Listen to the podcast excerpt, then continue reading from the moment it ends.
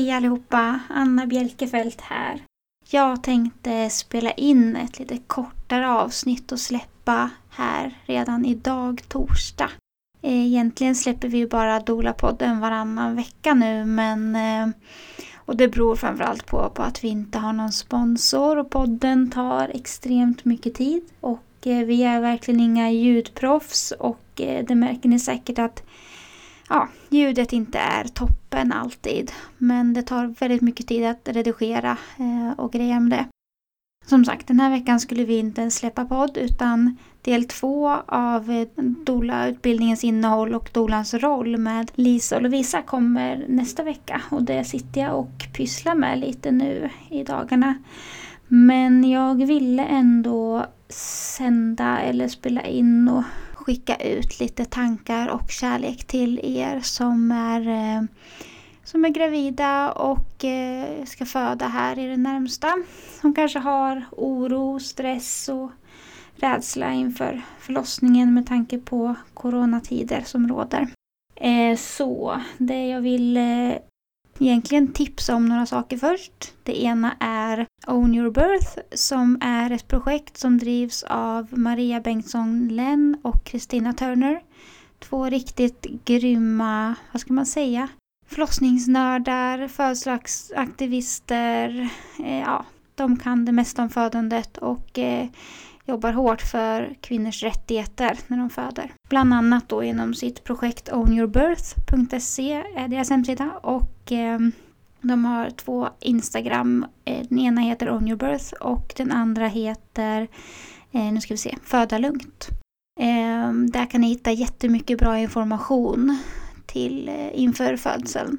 De vill jag tipsa om. De har också gratis webinars på torsdagar 10 till 11 och man kan mejla dem på info och eh, då blir man kontaktad eh, inför varje webbinar och får information om vad de ska prata om och så. Och de tar upp olika saker som har med, med födandet att göra helt enkelt. Och eh, idag var jag där och pratade om dolandet och stöd under födseln. Jag är så van vid att bara självintervjua när man sitter här i podden. Eh, även om jag har varit med i flera olika poddar och ja, på tv och allt möjligt och pratat dolande så är det ändå alltid lite nervöst när någon annan frågar frågor. Eh, men som sagt, en timme går hur fort som helst och man bara babblar på. Och det kanske inte var jättestrukturerat för man vill alltid hinna med mycket mer än vad man hinner med. Men det var väldigt, väldigt roligt och jag tror att många eh, mår bra av att prata om det här med med stöd under födseln nu i de här, speciellt i de här tiderna när eh, det är väldigt högt tryck på förlossningsavdelningarna ehm, och eh, personal är stressad och har än mindre tid att kanske vara så mycket på rummet som de skulle vilja. Vilket är jättetråkigt och eh, vilket också tyvärr kan leda till fler komplicerade födslar och fler traumatiserade föräldrar jättetråkigt och eh, många är också lite stressade och oroliga för att eh, de inte får ha med sin dola eller annan extra stödperson förutom en, en partner. Och eh, där tänkte jag också nämna några saker. Eh, och det ena är att om du eh, ska föda, nu pratar jag lite utifrån Stockholm, jag ska säga det. Det är lite stockholmariserad eller Stockholm-fokuserad podd ibland. Men det är ju för att vi är mest aktiva här och jag har bäst koll på hur det fungerar just här. Men några av de här grejerna jag ska nämna är lite generaliserande, eller lite generellt och några är lite mer just specifikt för Stockholm.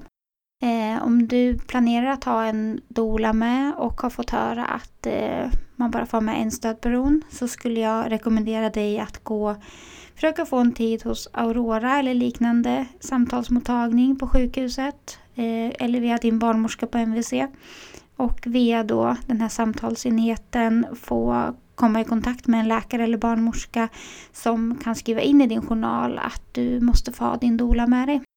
Eh, det är en, en väg att gå. Och eh, en annan väg är att ehm, ringa till chefsbarnmorskan eller avdelningsansvarig på det sjukhus som du planerar att föda på. Och, ehm, och berätta om din starka oro och rädsla kring att inte få det stöd som du behöver. Eh, enligt min åsikt, och jag skrev ett inlägg om det här för ett tag sedan på vår Instagram förra veckan tror jag det var. Enligt min åsikt så är ju dolan en, eh, en del av kvinnans vård och eh, de flesta betalar ganska bra för att ha en dola med. Jag skulle inte säga att vi har någon fet lön för hälften försvinner i skatter och avgifter.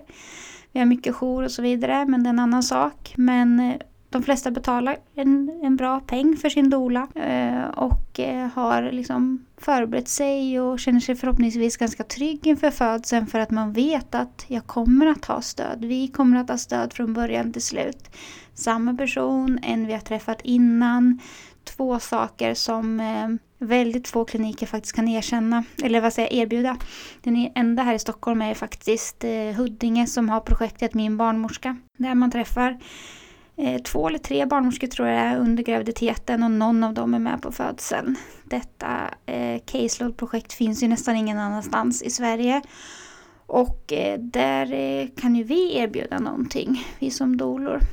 Eh, sen är vi också en resurs för eh, det är högt tryck som sagt och ehm, ja, jag tycker verkligen att det är eh, skamligt och rent ut sagt förjävligt eh, att eh, kvinnor inte ska få ha det stödet som de önskar och behöver när de föder barn. Jag tycker att det är en, en stark feministisk fråga och en, eh, det finns ett starkt driv i mig där att, att skapa bättre förutsättningar för att kvinnor ska få bestämma var och hur de vill föda och med vilket typ av stöd. Och jag vet att det är ganska uppdelat här vad man tycker om det här med, med att ha doler på förlossningen i de här tiderna för att man vill minska antalet eh, personer inne på sjukhuset och jag köper det absolut.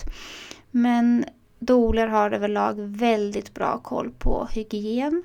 Hygienregler liksom, och förhållningsregler på sjukhus överhuvudtaget. Och eh, vi är ju alltid bara i det födande rummet. Så vi är mycket mindre smittorisk än vad många andra personalen är som är där varje dag som går in och ut i flera olika rum. De kanske inte bara har två eller tre födande, de kanske också rör sig liksom på eh, BB-avdelning, eh, personalrum och föräldrakök och så vidare, korridorer. Träffa varann. Vi är ju bara på det födande rummet och eh, är alltså då av minimal smittrisk skulle jag vilja säga. Ehm, det var ju något mer jag skulle säga. Ehm, jo, fler och fler söker sig också till att föda hemma. De barnmorskor som eh, jobbar med det här i Stockholm nu vet jag får mycket, mycket fler, fler förfrågningar och även runt om i Sverige också. Eh, många barnmorskor vill jobba med det här och fler och fler önskar att föda hemma. Men det finns en stark motståndskraft här eh, från eh, från personer som inte vill att kvinnor ska föda hemma av olika anledningar och det mesta handlar ju om rädsla och okunskap tyvärr. Jag tycker inte att man ska planera en hemfödsel för att man är rädd för att föda på sjukhus. Att rädslan styr en, ja, liksom rädslan för viruset styr en att föda i en miljö som annars inte hade känts naturlig. Men jag tycker att det är vansinnigt att kvinnor ska tvingas in och föda på sjukhus när den här pandemin pågår. Så jag hoppas att, eh, jag tror tyvärr att det är noll politiker som lyssnar på den här podden.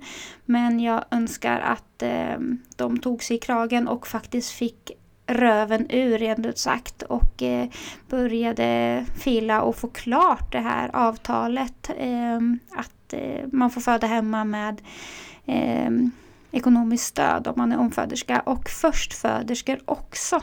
För det måste vara upp till kvinnan att välja sin födsloplats. Och där är ju forskning väldigt tydlig och eh, enlig. Eh, den är, den är liksom den är väldigt tydlig att kvinnans eh, förlossningsupplevelse blir som allra bäst om den får ske på hennes förutsättningar. Så eh, jag vill verkligen uppmuntra er alla att se över vad som eh, funkar bäst för dig och er. Och jag ska säga att jag har, av mina snart 80 födslar har jag alltså varit på en hemfödsel. Och nu har jag helt plötsligt blivit bokad till tre hemfödslar eh, under väldigt kort tid. Så att det ökar och det gör mig jätteglad. Och kvinnor, stå på er Ni har rätt att bestämma över era kroppar. Någon annans stress ska inte behöva påverka er och eh, rädsla ska inte styra. Eh, så jag vill verkligen, verkligen uppmuntra er alla att söka information. Inte liksom googla i onödan utan var källkritisk men sök information, kolla in min eh, ska vi säga, egen barnmorska.se där många hembarnmorskor eh, aktiva i Stockholm finns. Eh, ni kan också kolla på Födelsehusets hemsida, en jättebra organisation som jobbar för kvinnors rättigheter när man föder, eh, som har bra politisk kontakt också. Och eh, Asabia Britton som ni säkert känner till. Hon har ju gjort eh, bland annat med eh, Karina eh, från Babys podcast eh, en eh, film om amning, när de pratar om amning. Och eh, Asabia har ju också gjort en profylaxkurs som finns att kolla på på Youtube. De kan jag också tipsa om. Nu vill jag bara skicka jättemycket kärlek och kramar till er.